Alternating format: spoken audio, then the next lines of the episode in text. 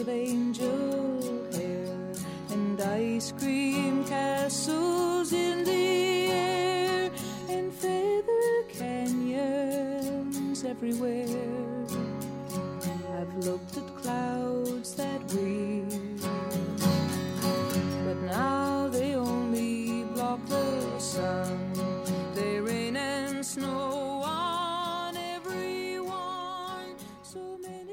God morgon vänner, eller god lunch, god eftermiddag, god kväll.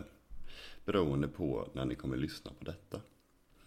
Eh, det här programmet kommer handla lite om depression och min depression. Eh, men jag kommer framförallt eh, prata om hur det började. Och hur det ser ut i vården när du börjar med dina vårdträffar. Ehm, jag kan ju också liksom förklara lite vad det är jag tänker när jag spelar in de här. Det är ju först att jag känner att människor som har varit igenom psykisk ohälsa och tagit sig en bra bit och har många år av erfarenhet. Att vi ska fungera som vägledare för folk som liksom kommer in i vården nu, som har sina första kontakter. Ehm, vi, ja, jag tror att det kommer hjälpa till med att människor inte behöver ta en sån jävla omväg som man ofta behöver göra. För, för varje steg du tar inom vården så kommer du lära dig nya saker. Eh, på så sätt blir du lite mer luttrad i ämnet. Luttrad, det betyder att du är lärd. Det är ett väldigt stort ord, jag lärde mig i skolan. Eh, och på så sätt kan du liksom eh, eh, få lite rutin på vad som funkar och inte funkar. Jag har det. Det finns många ute i Sverige som har det med. Men det finns betydligt många fler som inte har det. Som är liksom fast på samma ställe. För att det är ingen som kan tala om för att det finns si och så många olika sätt att ta sig igenom olika situationer. Ehm, och depression då. Jag, jag antar att alla förstår vad en depression är, men jag kan ju snabbt bara dra igenom lite vad, vad det är. Det är ju en typ av eh, nedstämdhet, trötthet och orkeslöshet som du kan ha, eller du får under en längre period. Eh, vanligt är ju typ att när du har saker du, du tycker om att göra, något som liksom får dig att må bra, så, så känner du ganska likgiltigt över vad den är. Eh, det är ju ett ganska vanligt tecken på att du är nedstämd. Ehm, det finns ju också, också olika nivåer. Det finns ju liksom lätt depression och medeldepression och djup depression. Eh, Det är ju depression eller depressionssyndrom tror jag. Ja, något sånt. Du kan ju få kroppsliga liksom eh, men, äh, men är det inte. Men det kommer, ju- kan ju synas liksom på kroppen med hur den fungerar och sådana här grejer med. Till exempel jag fick ju en mage som inte fungerade för jag hade superstress hela tiden och hela min kropp var kaos. Eh, jag har inte i huvudet vad det finns mer men det var, det var min grej som man såg. Eh, Jag vet inte riktigt om jag ska börja, hur långt bak jag ska börja.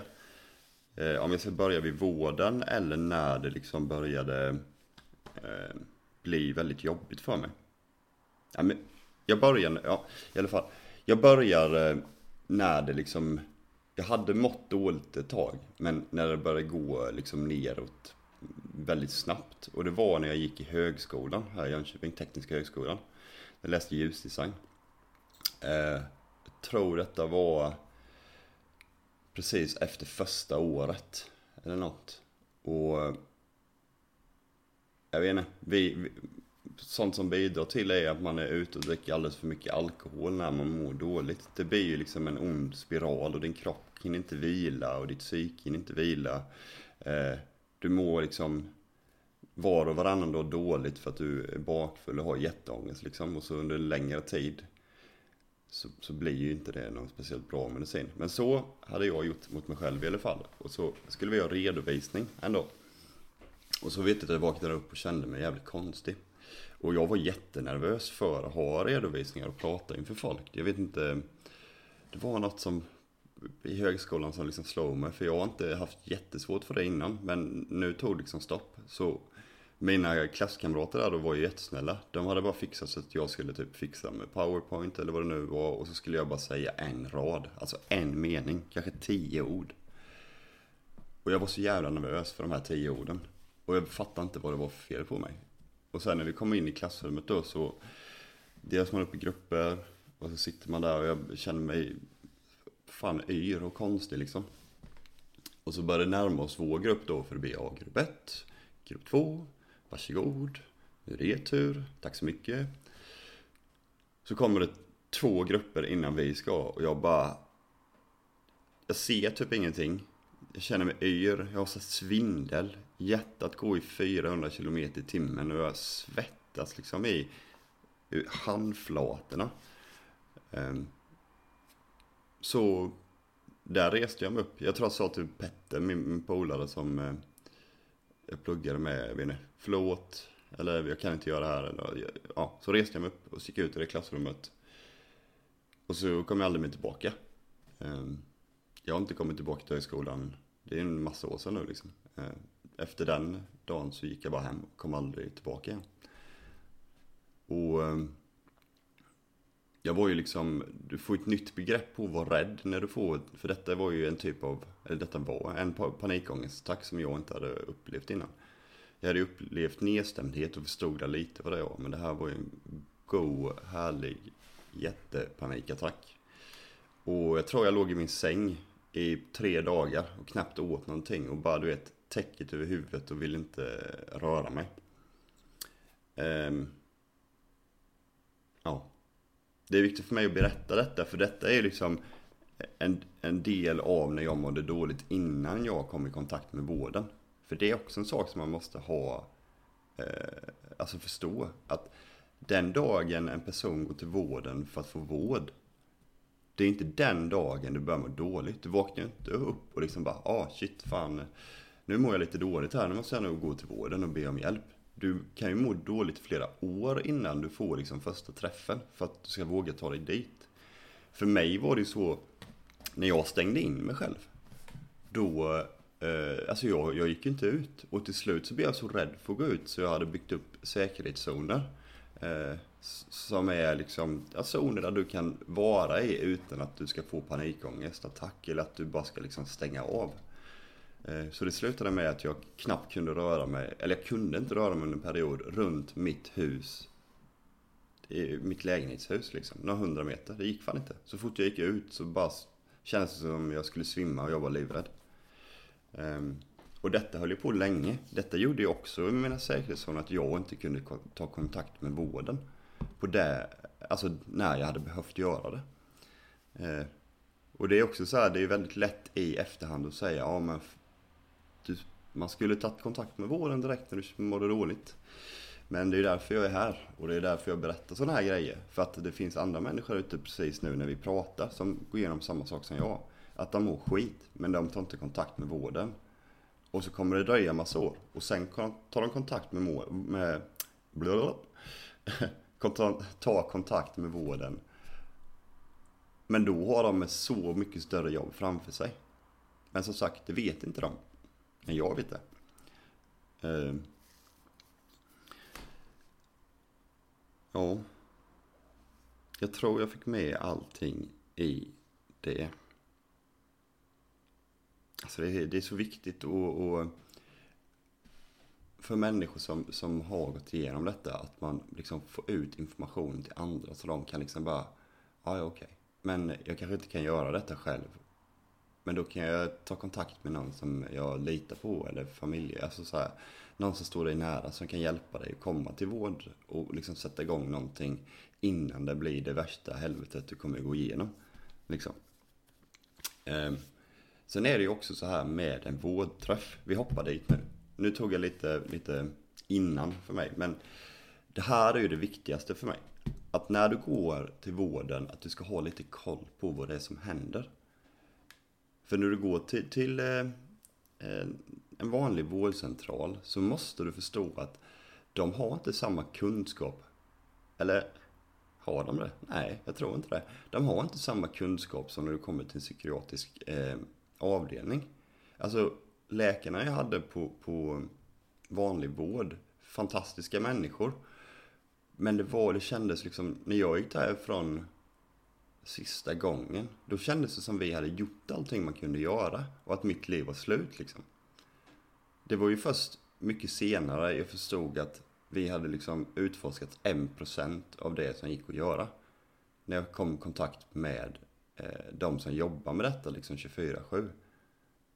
Och det var ju, det är också en, en märklig sak att man ska liksom inte få reda på det förrän det blir för jävligt. Och leva i en otrolig hopplöshet liksom. Jaha, jag gjorde mitt bästa men ja, nu har jag testat de här tre medicinerna så nu går det inte att göra mycket mer och det var det. Tack för mig. Det, det är ju inte bra liksom. Så får det inte vara. Eh, men förberedelse för att ha en, en vårdträff, det är ju att när du kommer dit så kommer de ju göra en skalsättning på dig. Alltså, du får ett papper. Och så är det, jag tror det är skala 1 till 10, så är det en massa frågor, två sidor. Eh, där, de, under, du svarar på hur du har mått under de tre senaste dagarna. Den här skalan är för att se lite var du ligger någonstans. Eh, och det är ju bra. Om du är deprimerad. Det är inte bra ifall depressionen är en bieffekt av någonting annat. Som det var för mig. För det känns lite som när man kommer till vården att du bara, bara ah, okej, okay, antingen är du deprimerad eller så är du ingenting. Och här vill jag liksom lägga den största vikten och, och sprida, eh, sprida mitt budskap om vad jag tycker och tänker. Innan första medicinen skrivs ut så måste man ta reda på vad det är för fel på den här patienten. Du kan inte bara liksom utgå från att det är en depression för man är nedstämd. Tänk, den här personen har ju kanske mått dåligt i ett år, två år, flera år liksom. Och det behöver inte vara en depression det började med. Det, det, det, kan ju vara vad som helst för mig, alltså vad som helst. För mig var det ju min panikångest. Min panikångest gjorde att jag inte kunde ta mig ut, att jag var rädd hela tiden. Under den tiden som det pågick, det pågick ju i massa år, men under första tiden när det pågick. Det är klart som fan att jag blir deprimerad. För att jag mår ju skit varje dag. Och jag är livrädd varje dag. Men depressionen var inte det första som kom, utan den kom efteråt. Det var liksom min bieffekt. Men när jag kommer till vården och drar en sån här skalning. Ja, det är klart som fan att jag mår dåligt, att de ser att jag är deprimerad. Och då får jag medicin för depression. Och om man hade gjort saker och ting rätt, då hade man tagit reda på att jag är bipolär och att de mediciner som jag fick utskrivet till mig är jättefarliga för en bipolär person. För din ångest, du har en ångest som du inte vet hur du ska kontrollera. Du går till vården, du får medicin. Medicinen gör att din ångest blir ännu värre än den du redan eh, från början inte kunde kontrollera. Det är ingen bra sak, ska jag säga.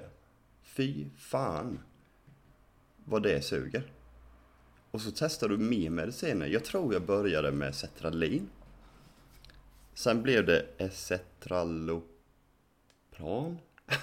ja, ni kanske förstår vad jag sa, men det, det är tuff medicin att uttala. Och sen till sist Mirtazapin. Jag tror det var i den ordningen. Jag är inte hundra. Det är lite luddigt, men jag tror det var i den ordningen jag fick.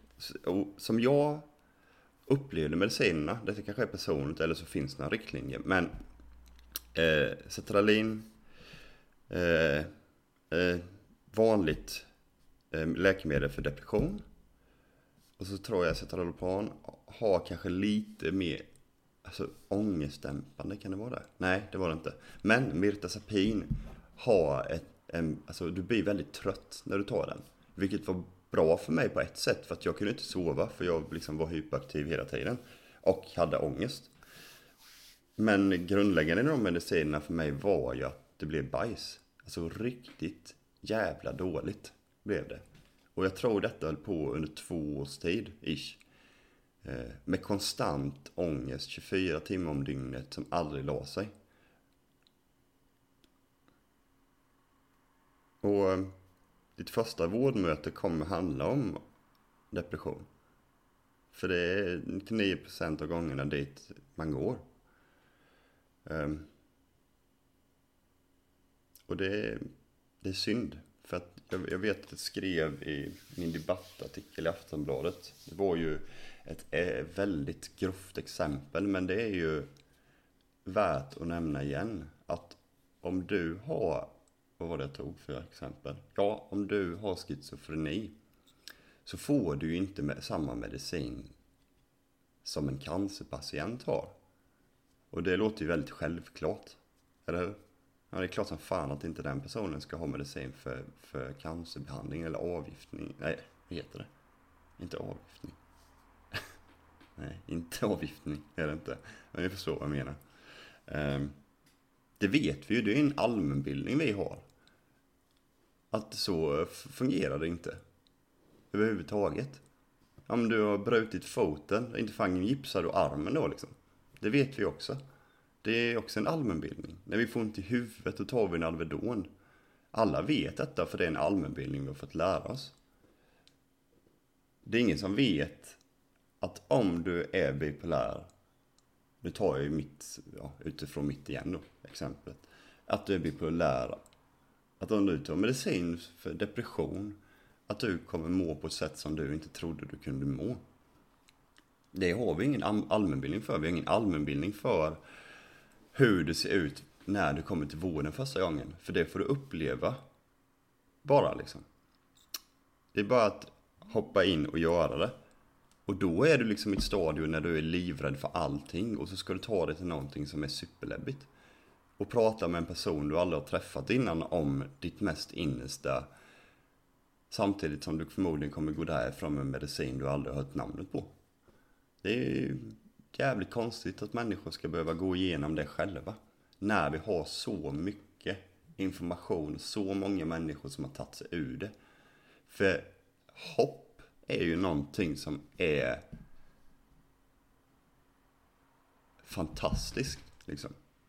Men det måste visas också. Vi måste berätta för personerna som mår skit. Titta här. Det tog mig ta mig fan tio år, men titta här. Jag tog mig igenom detta om vi pratar öga mot öga då så kan jag säga till dig och titta i dina ögon och säga att jag mår bra idag. Så här dåligt mådde jag, men idag mår jag väldigt bra. Och jag kan leva ett liv som jag aldrig trodde jag kunde leva. Liksom. Det är... Det är någonting som måste göras. Och just den här allmänbildningen kommer jag försöka liksom få in i varje avsnitt som idag. Bara berätta lite snabbt vad det är du kan förvänta dig när du tar dig till olika grejer. Olika stadier, ska vi mest säga. Och det tycker jag är jätteviktigt och det är det jag tycker fattas ute i media framförallt. För det var som jag sa i förra avsnittet, när du mår dåligt, det är inte lätt att sätta dig och leta upp information. När du får sitta och googla, för du skiter ju i det liksom. Men det är ganska, det finns nog ganska hög procent att du snubblar över informationen om du sitter och scrollar på Aftonbladet eller Expressen eller vad du nu läser liksom. Om den informationen alltid finns där. Men det finns den inte. Och eh, för att få ut informationen från en person som jag jobbar ihjäl sitt liv. Alltså jag vet inte hur många mejl jag har skickat till olika tidningar, till tv-stationer, radiostationer, poddar, bla bla. Alltså du, du får svar på typ 1%. Och eh, det är jävligt tråkigt. Jag förstår ju såklart att det finns andra saker som är viktiga i världen också. Det är, världen kommer ju inte kretsa runt mig och det jag vill göra. För min, min, mitt engagemang, eller min eld i mitt hjärta är ju på detta spåret. Jag förstår att det finns andra grejer som är viktiga med. Men det jag inte förstår är att vi inte har en kontinuerlig dialog om psykisk ohälsa när det är så vanligt och det kostar så många liv. Det kommer jag aldrig förstå. Och jag kommer förmodligen nämna detta i varenda poddavsnitt som jag spelar in. Det är så pass viktigt för mig och jag vet vad det hade gjort för mig själv några år tillbaka när jag var i den situationen som jag var. När jag kände att livet inte riktigt är värt att leva längre det är fan... Jag hoppas ingen kommer få uppleva det. Och har du redan upplevt det så, så beklagar jag verkligen. Att, få, att vakna upp en dag när du, när du har fått något så fint som, som livet. Liksom. Vänner, familj och bara en värld som, vill du bara utforska den så kommer du liksom aldrig komma i mål. För det finns så jävla mycket otroliga saker att uppleva. Men du vaknar upp och känner att nu är jag färdig. Och den känslan som jag sa, jag hoppas ingen får uppleva det. För det är helt sanslöst.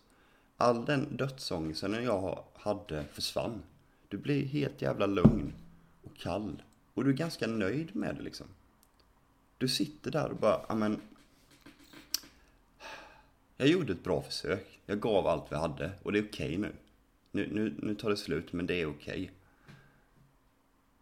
Det är en, det är sjukt att det alltid ska behöva gå till den yttersta gränsen innan du kan göra den största förändringen i ditt liv.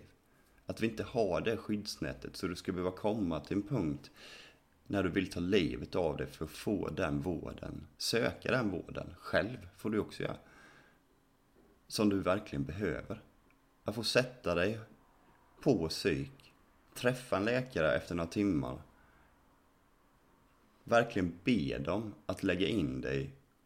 För att om du går därifrån med ny medicin, en ny nedtrappning och upptrappning, så kommer du dö. Du behöver liksom säga det många gånger, vilket också är jävligt skumt. Går jag härifrån nu, om du släpper hem mig, om du inte tar in mig till eran avdelning, eller en av era avdelningar, så kommer jag inte finnas här. Och det måste ni förstå. Det är... Ja, det är för jävligt. Det här är ju såklart någonting som känslomässigt är med mig alltid. Och vare sig jag pratar eller skriver så har jag liksom alltid den här klumpen i bröstet för jag vet att det sitter människor hemma som går igenom det typ precis nu när vi pratar. Eller jag pratar och ni lyssnar. Och det tåls att tänka på. Osynliga människor som förblir osynliga för resten av världen tills planeten försvinner. Ja. Jag tror... Eh, jag tror jag är klar där för det här avsnittet. Eh, tack för att ni kom in och lyssnade. Eh, sprid gärna vidare den här podden ifall ni tycker om det. Eller budskapet i, i stora hela. Det behöver inte vara jag. Finns det andra som gör samma sak och ni tycker de gör ett bättre jobb så sprid deras. Bara ni får ut information och lärdom till, till folk. Um, jag tror eh, om några dagar, det kan jag säga mig, om några dagar så, så kommer nog min eh, Eh, podd upp på iTunes. Jag väntar bara på att det ska bli bekräftat. Så det, jag kommer säga till när man kan hitta den där. Men än så länge så är det ju Soundcloud som jag har länkat. Oj, förlåt. Um,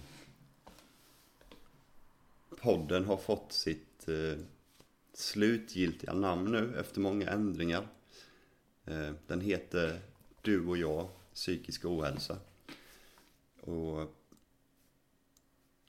jag hoppas den gör någon nytta helt enkelt. Det är mitt absolut största mål. Att göra någon nytta med detta. Och återigen, tack så jättemycket för att ni lyssnade. Eh, ha en fin dag, se till att ta hand om varandra och eh, bara njut av livet helt enkelt. Puss och kram.